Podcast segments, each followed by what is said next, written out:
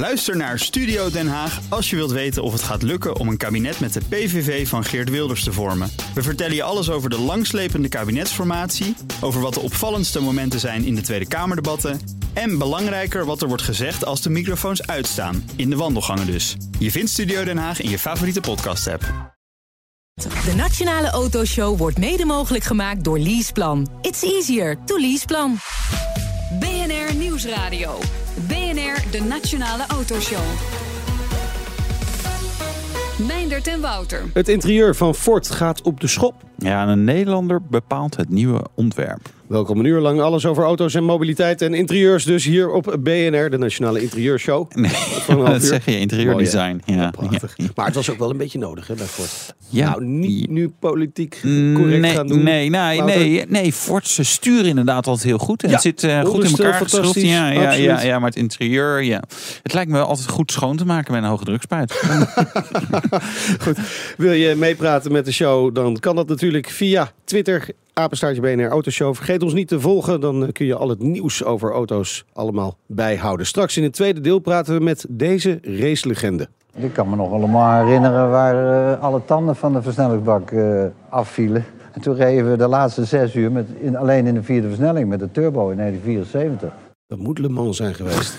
Ja, 1974. Alle tanden van de versnelling. Ja, mooi. Nou, niet allemaal dus. Van Gijs de vier van versnelling niet. Nee, maar wel mooie tijden. Gijs van Lennep eh, is dat. Die komt straks tweede half uur te gast. Zijn biografie verschijnt dit weekend, 40 jaar na zijn laatste race. Mooi toch? Ja, hartstikke mooi. Laten we maar gewoon beginnen met Ford. Een eh, bijzonder dan het interieur van de auto's. De gast is Amco Leenaerts. Hij is eh, directeur Global Interior Design bij Ford Motor Company. Kortweg de wereldwijde interieurbaas van Ford. Welkom. Leuk Ja, dat je er bent. Ja. Eh, we hebben afgesproken te tutoyeren. Eh, normaal gesproken zit je natuurlijk in Motor City, Detroit. Nou ja, natuurlijk. Ja, is, dat, is, dat, natuurlijk? is dat natuurlijk? Dat je, Ford zit daar in Detroit. Is dat logisch dat je daar dan ook zit? Eh, het is het hoofdkantoor, dus daar eh, worden de meeste beslissingen genomen. Dus het is goed dat daar mijn basis is.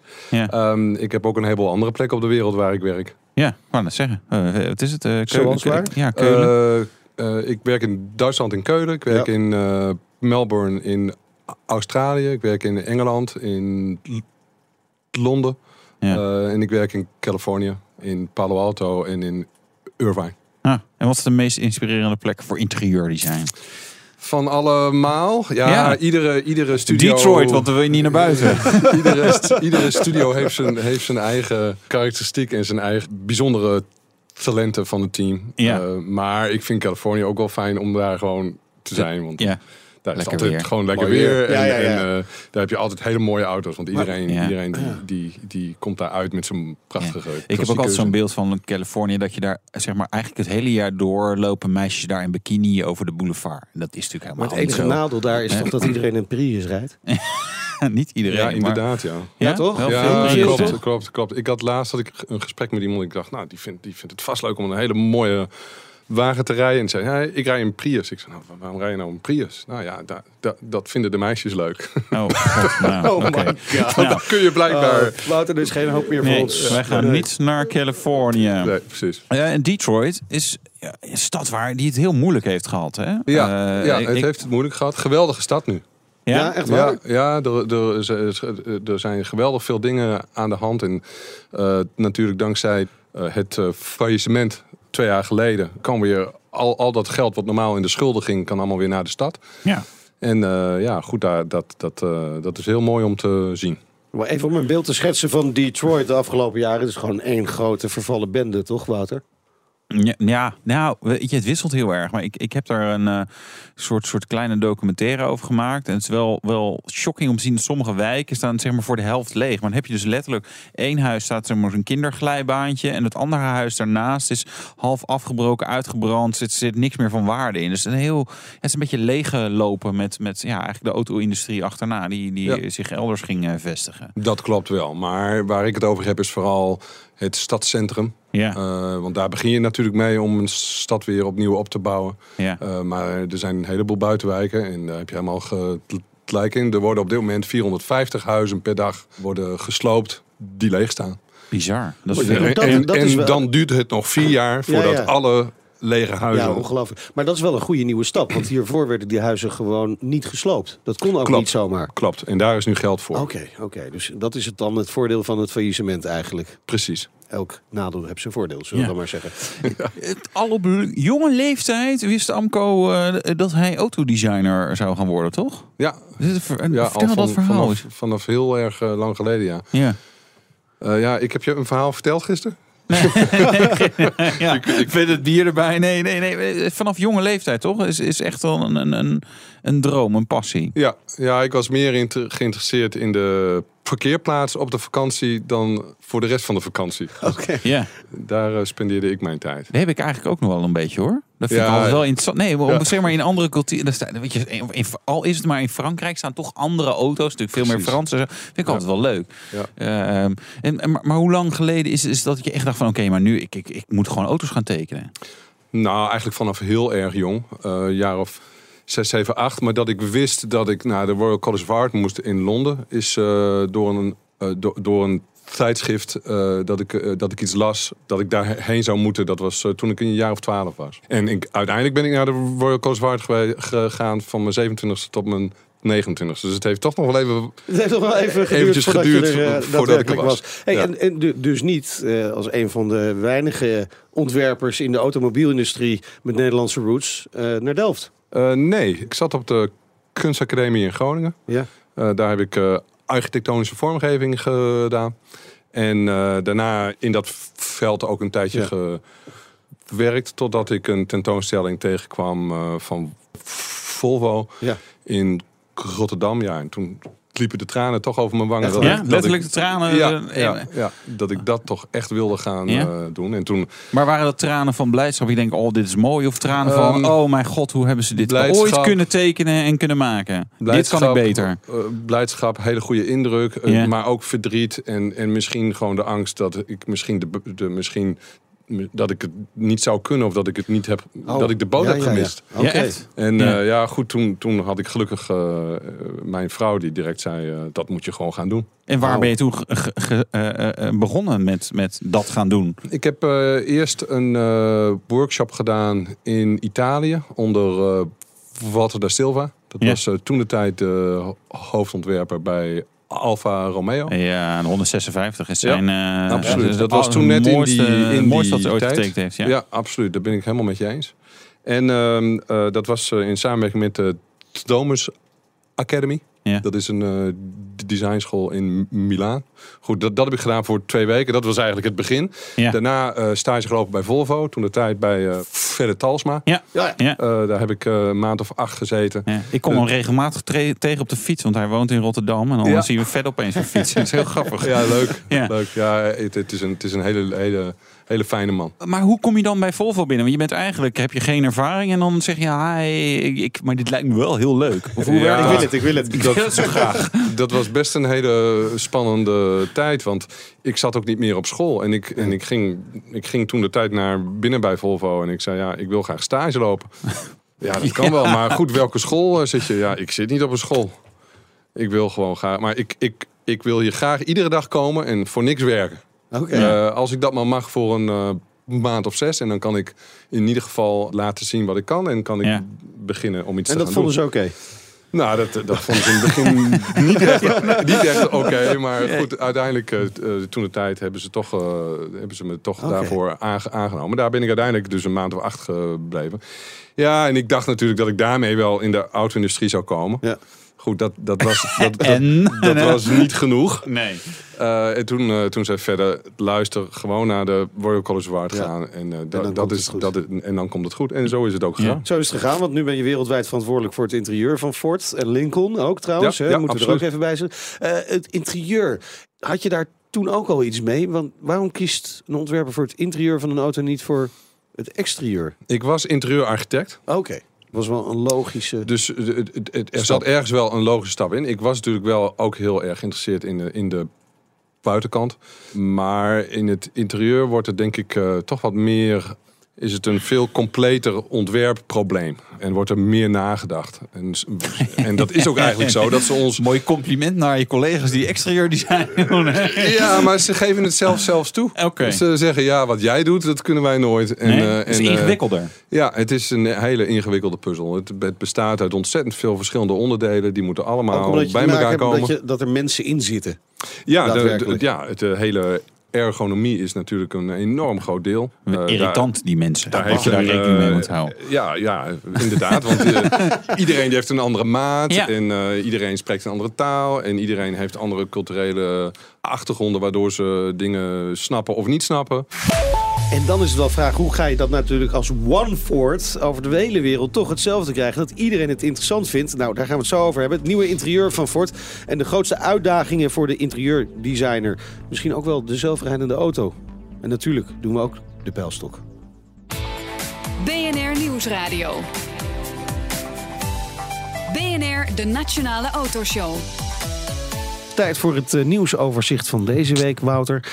En ja, auto's, ze worden weer duurder in 2017. Ja, I told you so, hè? Ik Ja, heb het ook gewoon tegen staatssecretaris Wiebes gezegd. Die zegt, nee hoor, nee, nee, echt niet. En het starttarief wordt duurder. Nou, alles, eh, eigenlijk alleen hele zuinige auto's worden dan maar 10 euro duurder of zo. Maar eh, veel andere, ja, gewoon weet je, een auto van 20.000 euro komt dan weer 800 tot 1000 euro bij. En als het eh, bijvoorbeeld een BMW X5, een plug-in hybride, die wordt dan echt gewoon 10.000 euro duurder. Dus het is echt, ja, gewoon, er wordt weer wat eh, belasting eh, bijgesprokkeld. Eh, en het was al, er zat al zoveel belasting op. Hè. En wat je dus gaat krijgen is weer meer eh, parallel import. Zeg maar jong gebruikt gaan we allemaal massaal uit Duitsland halen. Wat zeg maar elk jaar weer blijft groeien. Ja, en dus potentieel ook weer een heel slecht jaar voor de dealers. Ja, dat denk ik wel. Niet een briljant jaar. Weet je, wa- waarom zou je ook bijna zou je als consument. Er zit zoveel belasting op. Ga je over de grens, halfjaartje oud, zit er veel minder van die belasting op. Weet je, het, het is Nederland die helpt zeg maar echt die, die autobranche een beetje om zeep.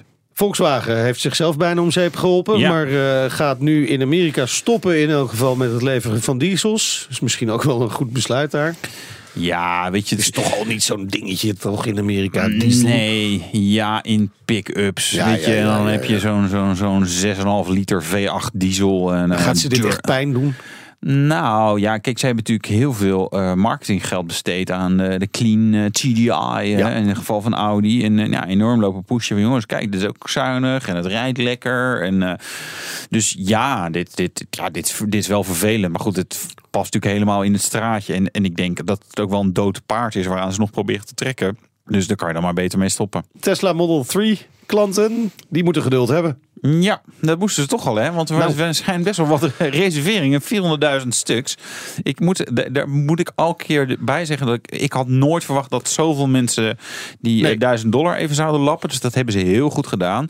Een analist bij Morgan Stanley, eh, de bank, eh, die zegt: jongens, het gaat nog wel even duren voordat die Model 3 er komt. Ja, eind 2018 Ja. begint de levering volgens Morgan Stanley. Ja. Dat is dus bijna anderhalf jaar later dan gepland. Ja, nou ik- ja, weet je, het zou goed kunnen. Kijk, Model S, Model X eh, heeft ook allemaal langer geduurd. Plus toen ze wel gingen uitleveren, was het eigenlijk zeg maar een soort voorserie auto. En de, de, de, ja, die, werd- de Model S werd gewoon letterlijk aan iemand van de Raad van Bestuur uitgeleverd. Of Raad van Commissaris van Tesla. Dus het was ook niet echt een, echt een klantauto. Dus, maar ja, Ja, en dat waren nog eh, lage volumes. Hè. Hier Ja, gaat het echt ja. om massaproductie. Ja, ja, en Tesla roept zelf, nee hoor, 400.000 stuks gaan we gewoon in 2018 doen. Dus ik, ik- ja, dit, dit- dit is gewoon een jaar geduld hebben, Meinert. En dan gaan we zien eh, wie gelijk heeft. Het lijkt mij heel sterk dat Tesla dit gaat halen. Maar ja, aan de andere kant, het lijkt mij ook sterk dat ooit iemand naar Mars gaat vliegen. En ook dat is Elon Musk van plan. We zullen zien wat er gaat komen. In ieder geval weten we één ding zeker. De files zijn er weer en ze worden ook weer eh, een stuk langer. Wat een drama, hè? Ja, ja. Ja. kost een miljard euro. Die vele files blijkt uit eh, berekeningen van TNO. Ja, dat, dat denk ik. Dat wat kan zeg jij dan? eh, ja, Jij bent altijd van die praktische oplossingen, Wouter. ja, meer asfalt. Ah, dat is toch te makkelijk. Eh, ja, nee, het hoeft ook niet. We, zouden ook met, het met vorige kabinet, dit kabinet heeft 700 kilometer asfalt neergelegd. Ja, bullshit. Oh, Eh, dat nee, moet-. Ja, ja, dat hebben ze ook wel gedaan. Maar kijk bijvoorbeeld dus A4 bij Leiden. Hebben ze zeg maar parallelbaan gemaakt. Ja, ze hebben die flessenhals gewoon verplaatst. Ja, verplaatst en, en zeg maar een soort in tweeën gesplitst. Nou, dat werkt dus niet. En Nee. ik, volgens mij hoef je daar niet eens meer asfalt neer te leggen. Alleen als je die lijnen anders tekent, kan je er al Oh, gewoon drie banen rechtdoor. waar. en heb je twee kanten op veel minder files. Dus slimmer. Vooral Slimmer. zijn. En niet het, het, Madurodam-bouw wat ze hier doen. Met kleine losse baantjes. Je hebt de Ring Rotterdam, heb je ook zo'n ding. Als je naar de A29 wil vanaf de A16. Echt een drama. Het is een heel smal één baantje. En dat gaat dan naar een, een tweebaan snel. Ja, daar staat het dus vast. BMW, geef voorproefje van de M5. Ja, performance goodies schroeven ze op de 5-serie.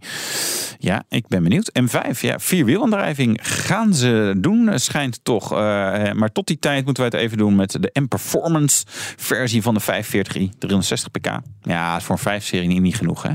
Dat is eigenlijk een instap 5-serie in 360 pk. Laf. Laffe Beetje hap. laffe hap. Daar kan Hey, je niet BMW heeft ook eh, de term CS geregistreerd. Centraal station. Gaan ze eh, in Ja, de treinen? wat, eh, ja. ja, ze dachten als ze dan toch de iedereen in de jacht doen, dan kunnen we daar Ja. ook wel eh mee Een beetje door. bovenleiding erbij en eh, ja, hoppa. Ja, ja. En ze hebben al een keer een C- M3 CS eh, gehad en een CSL. Dat is de Coupé Sport Leicht.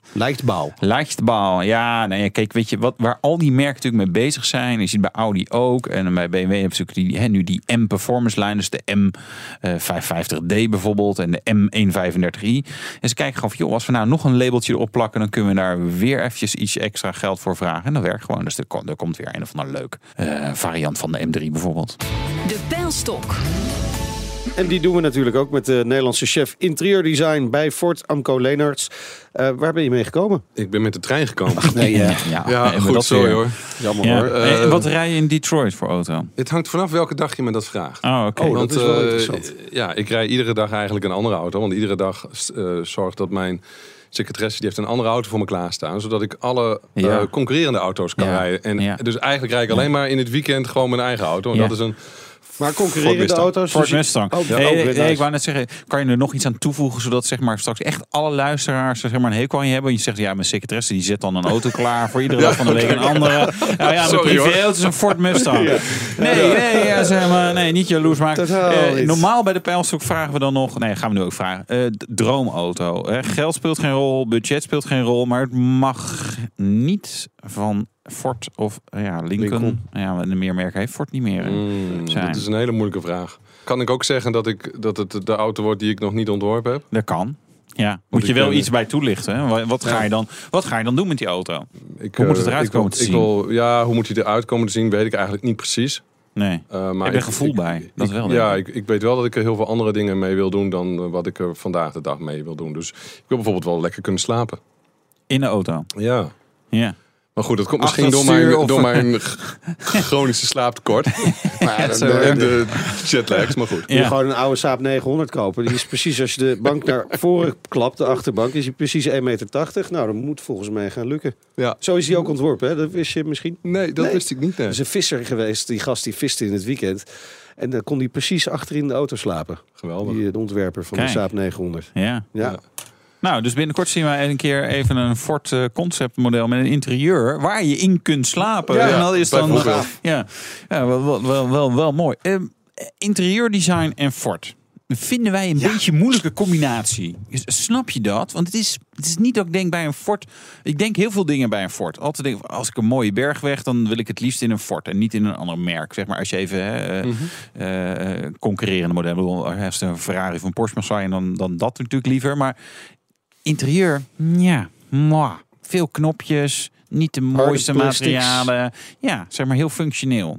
Ja. En daar ben jij dan de baas van. ik nou, ben- ik- leg het maar eens uit. Ja, ja ik begrijp die, eh, die kritiek wel. ja. Ja, ik zeg altijd tegen mensen: je moet bij het merk gaan werken waar het meeste, eh, meeste te veranderen is. Ja. En, eh, en toen ik eh, werd gevraagd om te werken voor Ford, eh 4,5 jaar geleden, eh, toen dacht ik dat dat een hele goede mogelijkheid was om dat inderdaad flink te verbeteren. Ja? Dat is, veel, dat is gewoon echt veel te halen Daar nog. is heel veel te halen. En, en er zijn ook trouwens modellen waar we hier misschien niet zoveel ervaring mee hebben, maar die in de rest van de wereld wel zijn. Ja. Waar we denk ik wel eh, heel trots op kunnen zijn. Welke? De Ford Mustang, goed, Ja. die, die Ja. is hier natuurlijk wel, maar die, die, eh, dat is een eh, globally best, eh, best-selling sportscar. De Ford F-150, eh, b- eh, 70.000 stuks per maand worden daarvan eh verkocht. Dus Ja, dat, en, en- en bizar, dat zijn, eh, en dat Ja. zijn eh, hele goede interieurs. Eh, ja, goed, dat zijn de twee eh, iconen waar het eh, bedrijf duidelijk op draait. Ja, maar goed, eh, het interieur moet natuurlijk wel aangepast worden. Absoluut. Dat erken jij ook. Ehm, als je de nieuwe koers van Ford wat betreft dat interieur zou moeten omschrijven, hoe zou je dat dan doen? Het moet heel veel simpeler worden. Uh, dus ook in de, in de auto die we volgende week uh, gaan onthullen. Die, Ford Fiesta. Ja, die krijgt 40% minder knoppen dan het voorgaande. Dat is natuurlijk een, een enorme klus om dat voor elkaar te krijgen. Ook simpel is, is uh, een veel meer simpel interieur hoe het eruit ziet. Dus uh, design language die er hiervoor was, uh, kinetic design, dat was allemaal heel druk en heel agressief. Ja. Dus het wordt weer allemaal wat vriendelijker. Zodat je er makkelijker een relatie mee kan hebben eigenlijk. In plaats van dat je, dat je denkt, uh, oh, ik moet niet te veel aanraken. Want anders dan, uh, anders dan wordt, die, wordt dat instrument cluster die wordt boos. Ja. dat is een mooie omschrijving. Ja, ja nee, ik denk voor mensen, eh, ook mensen die geen Ford rijden. Als je nu denkt aan een uh, Escort, wou ik zeggen. Maar ik bedoel natuurlijk de Focus. Die heeft natuurlijk zeg maar die, die uitgesproken achterlichten en zo. Met, met ja, een soort tentakels bijna eraan. Dus dat is dat kinetic design. Dat is inderdaad druk, agressief zou je het kunnen... Nou ja, je kan er allemaal termen... Ja. wordt het straks zeg maar met, met, met eenvoudige lijnen? Hoe moet ik dat, hoe moet ik dat zien? Ja, veel eenvoudige lijnen. Meer grafisch. Uh, wat ja. minder... Uh, ja, duidelijk minder agressief. Design language die we hebben gehad... dat was natuurlijk een hele goede manier om... Uh, en het klinkt een beetje raar om problemen op te lossen. Dus als je niet echt wist hoe twee dingen bij elkaar moesten ja, komen... dan kon je daar iets heel drugs uh, meemaken. En dan, Ja. en, dan, en dan kon je dat niet zo goed zien. Dan Ah, viel dat niet zoveel op.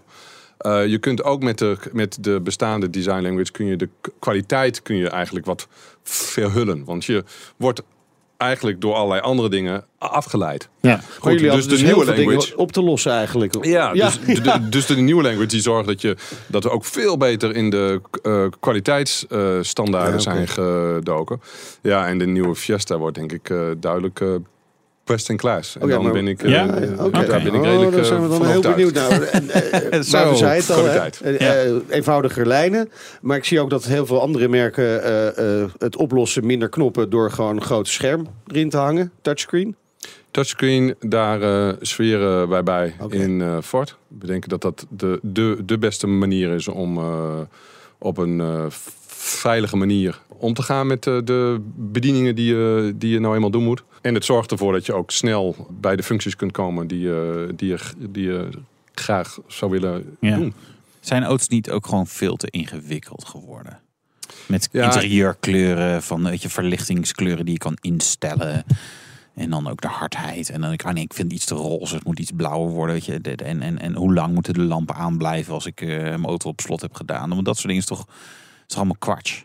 Word jij als ontwerper toch niet blij van? Ja, sommige dingen wel, sommige dingen niet. Kijk, Ja. wij, wij, wij ontwikkelen zo'n Fiesta voor zo'n ontzettende grote groep mensen. Die Ja. zo verschrikkelijk veel wensen heeft. En zo verschillend zijn. En zo verschillend zijn. En iedere drie minuten verkopen we er één. Dus om aan de vraag te voldoen eigenlijk... krijg je inderdaad een product die misschien voor bepaalde klanten te gecompliceerd is. Ja. En voor andere klanten is die zelfs te simpel. Want dan zeggen mensen, ja, maar er zit niet zo'n functie in. Of eh, hoe kan ik eh, mijn eh, stuur verwarmen? Of waarom zit er geen stoelmassage in? Nou ja, goed. En, Ja. en is het voordeel van zo'n tablet dat je dat wat makkelijker kunt verstoppen? Dat het simpel gehouden kan worden voor de mensen die van simpelheid houden. Maar dat je als je eenmaal in die eh, software duikt, dat je echt ongelooflijk veel daarin kunt verstoppen. Ja, dat is zeker waar. En eh, eh, software is natuurlijk uiteindelijk de, de grootste innovatie geweest in de, jaren, in, in de laatste 10, eh 20 jaar. En gaat een nog veel belangrijkere rol spelen in de toekomst. En inderdaad, je kunt eh, veel makkelijker eh, de klant eh, toegang laten krijgen door een touchscreen. Ja, als je het dan hebt over de toekomst, dan denken we natuurlijk aan de zelfrijdende auto. Alle merken zijn daar wel mee bezig. Jij bent daar natuurlijk ook mee bezig als in- Absoluut. interieurdesigner. Je denkt na over hoe die auto dan van binnen eruit moet gaan zien. Biedt ook weer kansen. Wa- Wat, wat is jouw visie daarop? Het biedt vreselijk veel kansen. Wij brengen onze eerste eh, single-use, zoals we dat noemen, eh, zelfrijdende auto eh, uit in 2021. Dus dat betekent dat je geen stuurwiel hebt, geen pedalen en als een soort eh, Disney ride eh word je gebracht van A naar B. Ja. En dan heb je dual-use zelfrijdende auto's, dus dat je en dat kunt doen en dat je ook zelf controle kunt houden over de auto. Ja. Goed, eigenlijk wordt onze hele portfolio dual use in de komende 10, 15 jaar. Ja. En de single use, ja, die geeft natuurlijk eh, enorm veel mogelijkheden hoe dat interieur uiteindelijk kan veranderen. Want je hebt, je hebt geen stuurwiel, maar je hebt dus ook niet meer per se een bestuurder die op die plek zit. Dus Nee. je kunt eh, Gewoon liggen, je kunt bijvoorbeeld. liggen, je kunt op, Eindelijk die auto waar je kunt slapen. Ja, ja. Precies. Ja. Eh, ik kan op een andere manier eh, op een andere manier zitten. Ik kan op een andere manier met andere mensen omgaan. Ik kan op een andere manier buiten kijken. Ja. En dan wordt dat interieur ineens heel belangrijk. Want eh, vandaag de dag ga je natuurlijk naar een dealership en kijk je naar het. eh, naar, en dan val je vooral voor het exterieur. Daar word je verliefd op. Hè? Ja, ja, ja. ja. Eh, en het eh, interieur, ja, goed, daar, daar denk je, ja, dat, dat, dat, Dat zal dan dat wel zal dan wel, dat zal wel werken. Maar eigenlijk ben je daarmee getrouwd. Eh, want dat maak je iedere dag mee. Ja. Ehm, en die dus- buitenkant die zie je 10 seconden als je ja, van je, op je oprit eh, daar, afloopt. daar, Ja. daar kun je mee flirten, zeg maar. Eh, goed, de, de, de, eh, dus ja, goed, dat is een beetje het, het idee van de single use en dual use. En ja, dat geeft ons ontzettend veel mogelijkheden. We zijn heel benieuwd wat er allemaal gaat komen. Eerst maar eens even die Fiesta bekijken. Dankjewel voor je komst naar de studio. Amco Leenarts, de wereldwijde interieurbaas van Ford. Zometeen schrijft de racelegende Gijs van Lennep aan. We praten over zijn biografie 40 jaar na zijn laatste race. En Wouter, die mocht rijden met de Maserati Levante. Tot zo. De Nationale Autoshow wordt mede mogelijk gemaakt door Leaseplan. It's easier to Leaseplan. BNR Nieuwsradio. BNR, de Nationale Autoshow. Meindert en Wouter. Gijs van Lennep, hij werd eh, verkozen tot beste Nederlandse autocoureur van de vorige eeuw. En nu precies 40 jaar na zijn allerlaatste race verschijnt zijn biografie. En is hij te gast bij ons. En we rijden straks in de Maserati Levante. Dit is de eerste Maserati die leverbaar is af fabriek met een trekhaak. Wat fijn. Ja. Oh, die willen we wel hebben. Ja. Ja, en eh, je En moest... toen dacht ik nog van ja, maar dat is natuurlijk niet eh, voor fietsendragers en zo. Maar Maserati heeft ook het wielrennen ontdekt. Hè? Dat is natuurlijk helemaal hip en zo nu. eh, ja, doe, je, doe je al aan wielrennen, hard fietsen? Dat is niet- nee, ja. niet vaak. Bijna nooit. Nee, maar dat dus ja. Ons nood. Ons Nout wel, ja. Ja, natuurlijk. nou, die ziet er ook zo snel uit. Heeft zijn helmpje al op, zie je dat? nee, maar die, ze zeiden zelf, ja, is ook een fietsdrager. En dan kan ook een fietsdrager op het dak. Nou, echt fantastisch. hey? Maar eh, je hebt hem getest in eh, Groot-Brittannië. Ja, ja, dat is heel logisch. Links rijden, rechts sturen. Eh, ja. ja, dat is heel irritant. Ging het goed? Mm, nou ja, ik heb één keer een stoeprandje eventjes meegepakt. Dus het valt allemaal wel mee. joh. Oh, klein, Eh, ve- klein velgje, klein nou, schade. heel klein. Er zat een klein, heel klein krasje. Ik weet niet, of maar we, zijn, we hebben ook off-road. En, dus ja, misschien was het daarvan. En denk ik dan maar. Nou, heb je een Snel vraag? eroverheen lullen, denk ik altijd. Ja, maar met dat soort precies. Of wil je nog iets zeggen over die Levante en eh, Wouters eh, coureurskwaliteiten? Dan kan dat via Twitter, apenstaartje BNR Autoshow. Onze gast dit half uur, Gijs van Lennep, voormalig autocoureur, racelegende. Nou ja, voormalig autocoureur. Volgens mij zit hij hier vast wel nog af en toe eh, achter het stuur. Hè? Ja, Ja, ja, wordt er nog geraced, eh Gijs? Nou, Ja, een enkel keertje. ja. Alleen op de A2. Nee, nee, nee, nee, nee. Helemaal niet. Nee? Alhoewel ik laatst rustig? toch weer een bekeuring, flinke bekeuring kreeg in, het, eh, in, de, in de polder. Op een Ja. zondagmiddag om half drie. Ja. Ik liet me even op, eh Op hoe noem je dat netjes? Ja, door iemand anders. Dus dat was jammer. Ach. Even de lezer erbij. Maar ik heb de Le Mans Classic en de Daytona Classic en de dingen met z'n tweeën. En, eh, en natuurlijk wat demo's. Hè. Ik heb natuurlijk een hele leuke demo gedaan met de Can-Am auto van 1973. Op de historische Grand Prix eh, ja. in Zandvoort. En Ja. dat is wel kicken met 1000 pk. Ja, dat is buitengewoon. Dat is niet mee te rijden, toch? Jawel. ja. wel? Ja? er is zeker nog beter rijden. Alhoewel de, de banden die, die, die, die horen er niet helemaal meer bij. Maar eh, het werkte. Dus, eh, en ik had na een rondje of 15 hadden ze ik aardig kaal. Dus hadden ze maar een nieuw setje erop gezet. Dus eh, het ging nog wel. Dat ging nog prima. Nou ja, tweemaal winnaar van de 24 uur van Le Mans. De, en de Targa Florio natuurlijk ook. Eh, en eh, ja, dat moest beschreven worden na 40 jaar na je laatste officiële race, zullen we dan maar zeggen. Eh, Ja. Ligt hij hier op tafel voor je neus. Schitterend dik boek. Ja, Gijs van Lennep. De biografie van een bijzonder raceleven. Nou, Ja, geschreven door... eh, geschreven om dat door over jezelf te Ja, zeggen. Ja, dat staat hier. Dat staat op het Ja, boek. je hoeft het niet op te lezen. Staat op het boek. Ehm, ja, Rob Wiederhoff heeft het geschreven. En Mark Koenzen van RTL GP Magazine die heeft het uitgegeven. Ja. En die heeft de foto's erbij gezocht. eh, want we hadden al een keer een Porsche boek. Een klein boek. Ja. Maar toen heb ik altijd gezegd, ik wil graag nog een keer een echt boek hebben. Waar alle Want Ja. ik heb voor een aantal merken gereden. Abarth en eh, noem het maar, Alfa. En, en Porsche was wel de rode draad. Ja. Altijd. Ja. Maar, eh, maar ik zeg, het moet wel een boek zijn, weet je wel. Nou, en een boek is het geworden. En nu is 300 het een- pagina's dik. Ja. 472 foto's. ja, dat is echt geweldig. Ik heb ze overigens niet geteld, maar ik geloof het direct. Ik heb er even net doorheen gebladerd. Ja, nee, ik heb ze ook niet geteld natuurlijk. maar ze zijn, eh, er staan er, alles staat erin en dat is heel leuk. Ja. Ook het, eh, het ongeluk op Spa-Francorchamps. Ja, of daar nou precies een foto staat. Nee, ver mij was, was 67. ik nog niet helemaal. Maar ja, dat was wel een klapper, ja. Ja. Maar ja, als je geen geluk hebt in het leven, en zeker niet in de racerij... en eh, zeker voor mij, dan, eh, ja, dan, dan in die tijd, hè, tussen 66 en 76... heb ik min of meer professioneel gereden, zo noem ik dat altijd. Semi-professioneel. Eh, Semi-professioneel. dan gebeurde er wel eens wat. Ja. Ja, was het echt zo veel gevaarlijker dan nu? Want nu zit ze in zo'n carbon, eh, zo'n eh, zo'n ba- badkuip. absoluut kan bijna veel- niks gebeuren. Veel gevaarlijker dan nu.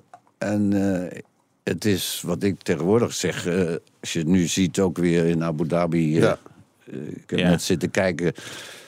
Dan is het eigenlijk te, ja, te te makkelijk. veilig. Ja, ik bedoel, als- al zou ik in zo'n auto zitten, ik zou er Nou, niks nee, kunnen nee, raken. zou als laatste nee, aankomen, nee, dat nee, wel, maar- Nee, nee, nee, nee. Nee. Het, is, eh, het is absoluut eh, kunstmakerij. Ja, Want eh, alhoewel je natuurlijk ook... Je hebt twaalf van die mannen die achter schermen zitten... die dat allemaal controleren en doen. Ja. Maar de Ja. rijder moet het wel doen. Maar Ja. je moet ook zo'n auto kunnen opzetten.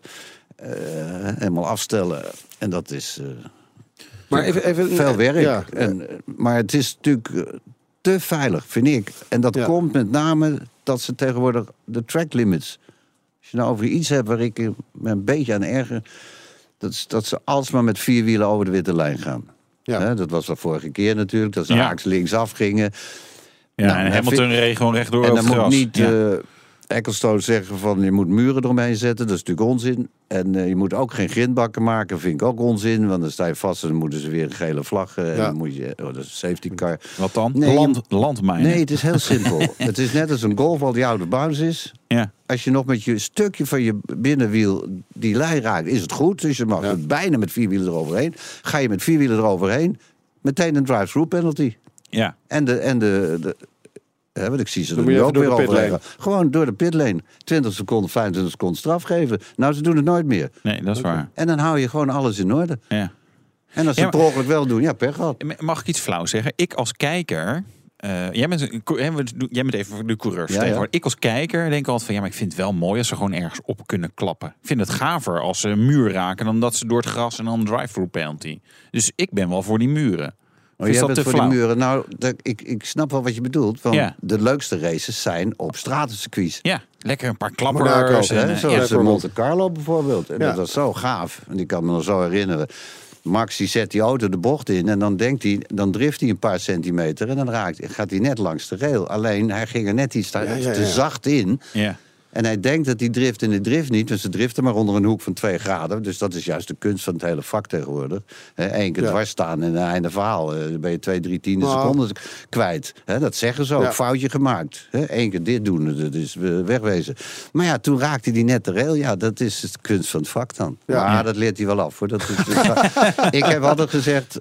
Want ook de tweede keer kom je van droog op nat, dan kan je het vergeten. ja. Hij moet gewoon precies blijven doen wat hij toen gedaan heeft. Dus, en dat heeft hij tot nu toe allemaal gedaan. Dus Ja. dat gaat Monte we gaan straks nog uitgebreid over eh, Max Verstappen hebben. Maar laten we nu even bij jou blijven, Gijs. Ja. En even, want eigenlijk gaat het erom dat het misschien weer wat spannender moet. Hè? Als, als we het eh, zo horen. En, en die Formule 1 bijvoorbeeld is op dit moment... Ja, eh, Max brengt een beetje spanning in. Maar verder, we weten allemaal dat de Mercedes in principe gewoon gaat winnen. Ja, dat vind ik ook heel jammer. Maar Ja. al een tijd. Maar we hopen dat het nou met die reglementen volgend Ja. jaar eens een keer zo uitpakt dat het wel lukt. Ja. Dus dat je meer benzine mag gebruiken. Kijk, die dikkere banden, dat is, eh, ik weet niet waarvoor dat is, dat is leuk. Die jongens die moeten nog meer conditietraining doen. Want het wordt natuurlijk wel, als ze Ja. echt 4, 5 seconden harder gaan rijden. Je wil het niet weten wat er gebeurt. Hè? Als je die jongens remmen, dan vliegen je, al, je ogen uit je gezicht. Dit is echt Ja. onvoorstelbaar. Bijna je moet letterlijk, echt zulke nekken hebben, Ja. hele dikke nek. Maar verder, ten opzichte van voor, voor vroeger, ze hebben wel eh, flippers. Ja, En wij moesten al eh, conditietraining doen om die versnellingsbak te bedienen. Ja. En, de, en, de, en de rembekrachtiging is natuurlijk beter geworden. Alleen, je ging van 2,5G naar 4,5G. Ik noem maar wat. ja, ja. Ongeveer. Dus je krijgt twee keer zoveel krachten. Door de aerodynamica, door de banden. En dat maakt het wel allemaal interessanter en leuker. Ja, de jongens moeten fit zijn. Dat moesten wij al, maar dan moeten ze Ja. nog steeds. Dat moeten ze nog steeds. Maar het was destijds, eh, in ieder geval mijn gevoel, wel spannender. Omdat er veel meer kon gebeuren. Ja, de inhalen was natuurlijk makkelijker. Je kon makkelijker elkaar uitremmen. Nou is het DRS-systeem vind Ja. ik wel heel goed. Ja. Dan kunnen we tenminste nog wat zien. Maar ja, joh, als die jongens wij remden bij 100 meter... nu remmen ze bij 50 meter. Nou, als je bij 50 meter remt... dan kan je niet nog eens een keer bij 48 meter remmen... want dat past, dan past het niet. Nee, nee want eh, eh, je hebt ooit eh, Le Mans gewonnen in, in Porsche 917. Hè, dat is best een indrukwekkend apparaat. Maar dat haalt het. Hoe, hoe- hoeveel sneller is een Formule 1 auto tegenwoordig? Of een, wat nu op Le Mans rijdt? Nou, in topsnelheid zeker niet. Want Nee, daar ook- scheelt het niks. Wij reden 355 en dat rijden ze nu ook af en toe. Ja. We Wij wat geluid van. Zullen we dikke even zet- luisteren? En door zeer tactisch rijden wisten zij de race te winnen. In 24 uur legden ze 5308 kilometer af. Een nieuw record. Mooi, Voor de eerste keer in de geschiedenis van deze race mocht een Nederlander de overwinningschampagne proeven. Hij scheen Gijs van Lennep uitstekend te smaken. Dat is een van onze voorgangers, Wouter. Zo, ik, nou, ook het commentaar op eh, radio en televisie is ook wel verbeterd in de jaren. Hè? Dit is eh, een stuk sneller geworden. We ja, hebben nog wat. eh. Is die Porsche 9, 917, hè? Dit, dit is de auto waar... eh, waar, eh, ja? Ja. Beste auto die je gereden hebt? Voor in die tijd, Ja. ja, zeker. Ja. Ja, als je hem in die prijs... Ja, en 100% spare erin. en Je kon lekker op het gas rijden. En, eh, ja. Ja, maar, maar, maar de remmen in 1971, de remmen Nee, deden remmen niet deze- helemaal lekker. Remmen deze niet. Ja, ze remden wel, maar die schijven... Die hadden ze bedacht, wat tegenwoordig uh, usance is... dat ze gaten maken in de schijven hè, voor de Ja. koeling. Dat zit tegenwoordig in elke auto zo ongeveer, een snelle auto. Maar die eh, trapte je toch kapot. Hè? Als je met 355 aankwam en je moet met 80 de hoek komen... aan het eind van het rechte stuk, hadden we die bochten nog niet... Ja, als je dat een beetje te, te, te, te veel en te lang deed... dan eh, stonden alle schijven, dan kreeg je van die trillende handjes. En, eh, Ja. dus, eh, Scheurtjes in de schijf. Of dat, eh, en toen bleek inderdaad dat, eh, maar dat heb ik ook pas na meer dan 40 jaar gehoord, dat eh, die waren allemaal gescheurd, die schijven. Dus Ja. toen zei ze, je, moet, je kan of niet meer remmen, of we moeten ze wisselen en dan win je niet. Dan winnen wij niet, want het was Martini tegen John Ja. hè, tegen de Gulf Porsches. En Martini was natuurlijk toch het echte fabrieksteam. En toen zeiden wij, nou dan gaan we toch die gok nemen... en dan gaan we maar minder remmen of heel- bijna helemaal niet remmen. Nou, zo hebben we de laatste vier uur doorgetoerd. En toen was het voor elkaar trouwens nog jullie, wat. Er braken dus die, die bouten van de koel... De koel eh, fan, Ja. die zit met vier bouten vast... en die gaan ook 8000 toeren... En die braken bij twee Porsches, vlogen die vennen de lucht in. Braken al die bouten af. Hebben ze bij ons, want dat hoorde ik ook pas een jaar of drie, vier, vijf geleden. Hebben ze elke pitstop één bout gewisseld. Dat er, geen- dat er geen tijd verloren Ja, ja, ja. ja. ja. En, dat is, en op die manier win je dan een wedstrijd. Want wij reden tegen Ja. die langheks. Ja, daar- kon die reden op Eigenlijk- dikke 370. Ik, ik vind dat wel mooi, ze- zeker toen, maar het is nu ook nog, je ziet het ook nog een beetje in de rallysport. Dat het, dat het, het, het is super professioneel en dan gebeurt er zoiets en dan is het gewoon met tie rips of één bout vervangen en ja, zo. dat is prachtig, joh. Ja, Maar dat toch? staat allemaal in het boek. Dus dat, moeten we de eh, leuk met de- lezen. in de ja. kerstvakantie kunnen we dat allemaal lezen. Zullen we nog één quoteje uit het verleden halen? 24 uur van Le Mans 1976, laatste race. Für Porsche ist es der dritte Gesamtsieg in Le Mans. Erkämpft durch Jackie X Duits commentaar. und Gijs van Lennep. Guys van Lennep. Ja, de laatste race, hè? En dan gewoon winnen. In 76. 76. Ja, dat was leuk. ja, dat is natuurlijk het mooiste afscheid wat er is. En ik werd gevraagd door Porsche om nog een keer mee te doen. Ja. Want ik zou eigenlijk helemaal niet meer rijden. Want ik wist niet meer goed wat ik zou willen rijden. Dus ik wou wat anders doen in het leven. Dus ik wou relatief vroeg, stoppen. En toen dacht ik, ja, maar dat kan ik niet laten gaan. Dus toen heb ik, we hebben nog op de 1000 kilometer Nürburgring gereden met de Porsche 934. Gewoon om een beetje te oefenen. En toen op naar Le Mans. En toen werd ik aan- aan X gekoppeld. Dat was natuurlijk ook geweldig. En wij konden het heel goed samen vinden. Ja. En we hebben toen nog de vierde versnelling veranderd, kan ik me ook nog herinneren. En, die, en welke auto blies op? De andere Porsche, die ze niet veranderd hadden. En Jackie X en ik zeiden inderdaad, ik was meteen met hem eens. We gaan die bak, die vierde, gewoon een beetje langer maken. Minder toeren door die eh, nieuwe bochten, van de Porsche-bochten, weet je wel. Nou, en, en wonnen we echt op onze sloffen. Maar dan hoor ik ook weer later, ja, maar ze hebben nog wel even de uitlaat verwisseld. En ze hebben wel een fikker gebrand, eh, die monteurs. En de turbo gewisseld, eh, noem het maar. Maar ja, we lagen zo net voor. Dat Niks kon hand. allemaal. En zo win je op, eh, op je hoogtepunt stop je dan met, eh, met de racerij. Zometeen meer van Gijs van Lennep, die uitgeroepen werd tot beste Nederlandse autocoureur van de vorige eeuw. En we gaan rijden in de Maserati Levante. BNR Nieuwsradio. BNR, de Nationale Autoshow. We gaan rijden. De rijimpressie. Ja, ook Maserati moest eraan geloven. Ook zij hebben ze nu een SUV. Wouter reed aan de linkerkant van de weg in een rechtsgestuurde Levante. voelt een beetje als vloeken in de kerk. Want ik ben nu onderweg in een SUV van Maserati. En je hebt het misschien gehoord, maar het is dus een diesel. Een Jeep dus, een diesel Jeep van Maserati. Weet je wel, dat mooie merk met sportauto's, Grand Tourers. Ja, er is gewoon een hele belangrijke reden waarom Maserati dat wil doen. De hele markt wereldwijd voor luxury cars. Dus het echt, ja, in Nederland boven de, zeg maar, grofweg een ton. En in andere landen zijn die auto's natuurlijk veel goedkoper. Maar goed, dat geheel terzijde is ongeveer 1 miljoen stuks. Daarvan is een half miljoen is een SUV. Dus als je als ja, een beetje luxe merk wil meedoen in die markt, betekent daar dat je eigenlijk maar één ding kan doen. Meedoen in die markt en zorgen dat je ook wat aan te bieden hebt. En dat is misschien wel de belangrijkste reden waarom Maserati nu ook een SUV heeft. De Levante. Ja, en als je dan in Europa kijkt, wat zit er? Nou, ik zou bijna zeggen 9 van de 10 keer, maar ik heb er geen research naar gedaan. Maar zeker nog 8 van de 10 keer in het vooronder bij een SUV inderdaad een dieselblok. Heel veel keuze biedt Maserati overigens ook weer niet in motoren. Het zijn er namelijk twee, allebei een V6. De ene is dus een diesel, daar gaan we zo over door. Daar rijd ik namelijk in. En die andere is de door Ferrari gebouwde 3 liter V6 benzine met turbo's. 430 pk heeft die. En die auto die kost ongeveer 140.000 euro. Dus dat is best wel pittig. De diesel, waar ik nu rijd, is wat voordeliger. En het karakter van een diesel past natuurlijk ook wel bij een SUV. 275 pk, 600 Nm koppel. Dus ja, best wel een bullig blok. Hè. Hij kan ook echt wel zeg maar, lekkere stappen zetten, deze Levante. Eh, sprint naar de 100, hebben we dat ook maar even gehad. 6,9 seconden. Topsnelheid 230 km per uur. Goh, wat ben ik een hoop cijfers aan het roepen. Zal ik de prijs dan ook nog even roepen? 104.000 euro, even uit mijn hoofd. Ik vind het altijd wel een beetje in, dit soort SUV's dat je denkt, ja, 275 pk, ja, ja, ja. Het is uiteindelijk gewoon geen bloedsnelle auto. Ik bedoel, absoluut vlot genoeg. Ei- weinig over te klagen, maar het is ja, niet echt sportauto-achtig. Nou zullen de meeste kopers ook niet echt daarnaar toe op zoek zijn. Maar goed, ik wil het je wel even meegeven dat je als je echt heel snel wil zijn in een Levante, spaar dan even door voor die V6 benzine. Want die is echt een stuk rapper naar de 100 en nou, überhaupt een stuk rapper.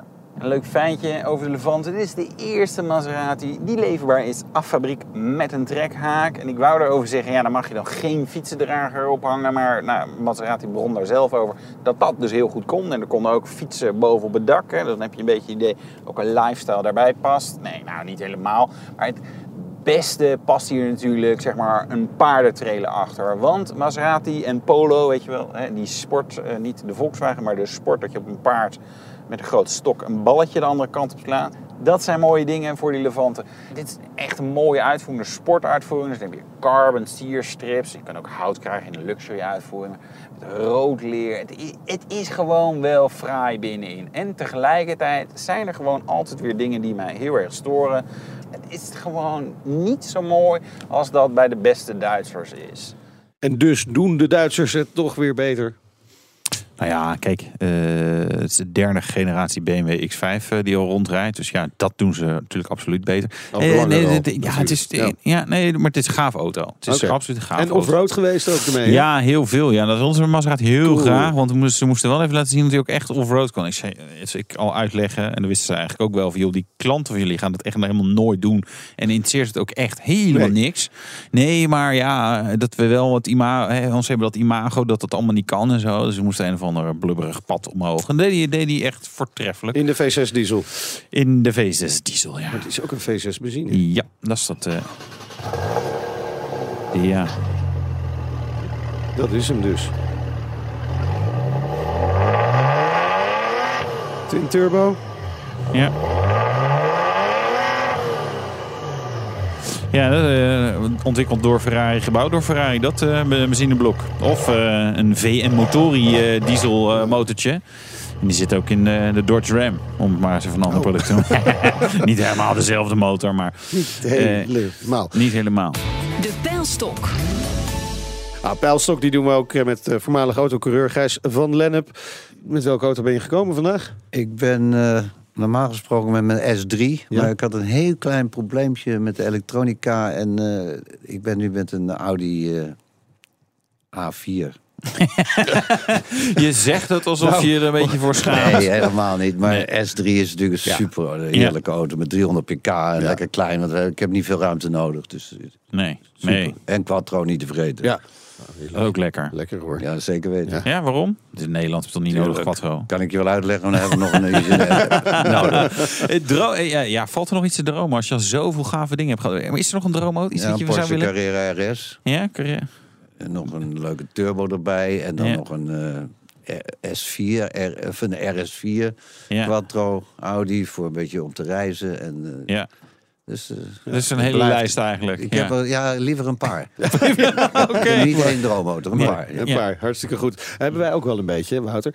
Altijd moeilijk kiezen. Hey, eh, we zeiden het al een paar keer. In 1999 werd je uitgeroepen tot beste Nederlandse allround autocoureur. Dat moest Ja. ik er even bij zeggen. Hè? Want Ja, graag. Ja. Want we hebben heel veel goede rijders gehad natuurlijk. Jos, ja, meer punten gehaald dan ik. Arie, twee keer Indy winnen. Ja. Ja. Jan heeft natuurlijk ook heel veel goede dingen gedaan. Ja. Hey, en als we jullie allemaal in dezelfde auto op eh, Zandvoort zouden losgaan, wie eh, zou de beste rondetijd neerzetten? Nu? Ja, nu?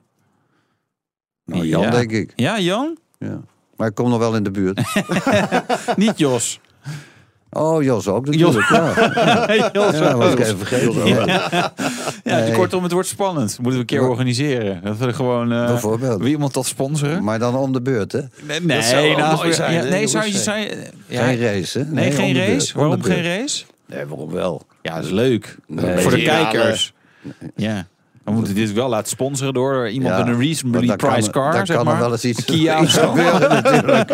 Ja, nee, maar dan... we gaan eenmaal, we zijn autocoureur, we, zijn- we willen altijd voor de winst gaan. Ja, Ja. ja, ja, ja, maar dat maakt het ja, Wat dan juist zo leuk. kost ja. wat het kost, hè? Ja. Een beetje. Race of Champions in Nederland. Ja. Dat is wel cool. ja, en als Max dan met pensioen gaat, mag hij ook meedoen. Ja. Dus alleen de gepensioneerde eh, coureurs Ja, mee. Maar tegen, gepensioneerde tegen klinkt die tijd eh, ligt ome Gijs onder de zoden.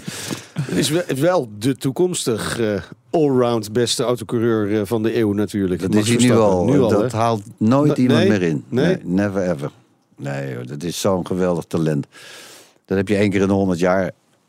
En hij wordt niet één keer wereldkampioen, maar gewoon een aantal keren. Ja, nou dit, dit jaar gaat het natuurlijk nog niet lukken. Eh, dit Nee. weekend de laatste eh, race van dit seizoen. Het is natuurlijk wel onwijs interessant. Hè? Hamilton of Rosberg, wie wordt er wereldkampioen? Maar vooral ook Max Verstappen, wat gaat hij doen? Gaat hij nog zich mengen in die strijd tussen die twee? En gaat hij Vettel nog voorbij? Nou, als hij de kans heeft... Wat, wat, Ja. wat Als zijn de antwoorden? Als hij de kans heeft, gaat hij zich er zeker bij bemoeien. Ja. Want meneer Toto Wolf, die kan bellen wat hij wil, maar dat schiet natuurlijk allemaal niet op. Dat is een lachetje. Ja. Want Max is helemaal een echte winnaar. En eh, ik hoop eigenlijk, dat klinkt gek, maar Rosberg mag winnen voor mij. Maar ik wil eigenlijk dat die, de Red Bulls gewoon 2 en 3 worden. En dan Rosberg gewoon netjes geklopt wordt op de vierde plek. En daardoor Hamilton, eh, die dan de race wel moet Ja. winnen natuurlijk. Dat die dan wereldkampioen Maar waarom Hamilton? Omdat het toch meer een echte coureur Ja, is? hij is natuurlijk een betere rijder als eh, Rosberg. Ja. hij heeft natuurlijk ook wel wat meer uitstraling. En, eh, maar het is Ja, het is toch wel leuk. leuk, want ik vind dat ook. Maar dan kijk je naar de punten, denk je, ja, maar de punten geven ons ongelijk. eh, Ja, maar er zijn dipjes geweest. En, en, en, en er zijn een paar motors kapot gegaan bij Ja. Hamilton. Ja. En want Rosberg Ja, net, zes zeg wedstrijden maar, achter elkaar vorig jaar. Dus. Jij hebt eh, wedstrijden gewo- gewonnen zonder remmen en met, met, met eh, maar één versnelling. Dus ja, mechanische pech. Een echte coureur rijdt daar omheen. Nee, nee, daar kan je niks aan doen. Daar kan je Heren, niks we, aan doen. moeten, we moeten afronden. Tot slot nog een hele korte vraag. Want we zien dat er heel veel Grand Prix eh, verdwijnen van de agenda. Eh, we krijgen in ieder geval een Nederlandse wereldkampioen. eh, misschien wel volgend jaar. Krijgen we ook nog eens een Nederlandse Grand Prix? Zandvoort? Wat denk je, Gijs? Ach, ik help het je heel erg hopen, maar ik vrees van niet. Nou, dank voor je komst naar de studio. Gijs van Lennep, voormalig autocoureur, racelegende. Eh, ja, hij is ook uitgeroepen tot eh, Allround, ja, nee, ja, allround goed zeggen. autocoureur van de eeuw, van vorige eeuw. Ja. Max Verstappen wordt het natuurlijk van de komende eeuw. Maar er is in ieder geval een biografie over Gijs van Lennep. Dat kan Max nog niet zeggen. En hij ligt in de Ja, winkel. Max, Max is ook een boek van, volgens mij. Hoor. Ja, maar nog- wel een heel slecht Ja, boek. oké. Wouter, volgende week vergeet ons niet te volgen via Twitter, Facebook, Instagram. Download de uitzending via de podcast of de BNR-app. Tot volgende week. De Nationale Autoshow wordt mede mogelijk gemaakt door Leaseplan. It's easier to leaseplan. Bij BNR ben je altijd als eerste op de hoogte van het laatste nieuws. Luister dagelijks live via internet. Bas van Werven. En heel langzaam komt de zon op rond dit tijdstip. Je krijgt inzicht in de dag die komt op BNR, het Binnenhof in Nederland en de rest van de wereld. De Ochtendspits. Voor de beste start van je werkdag. Blijf scherp en mis niets.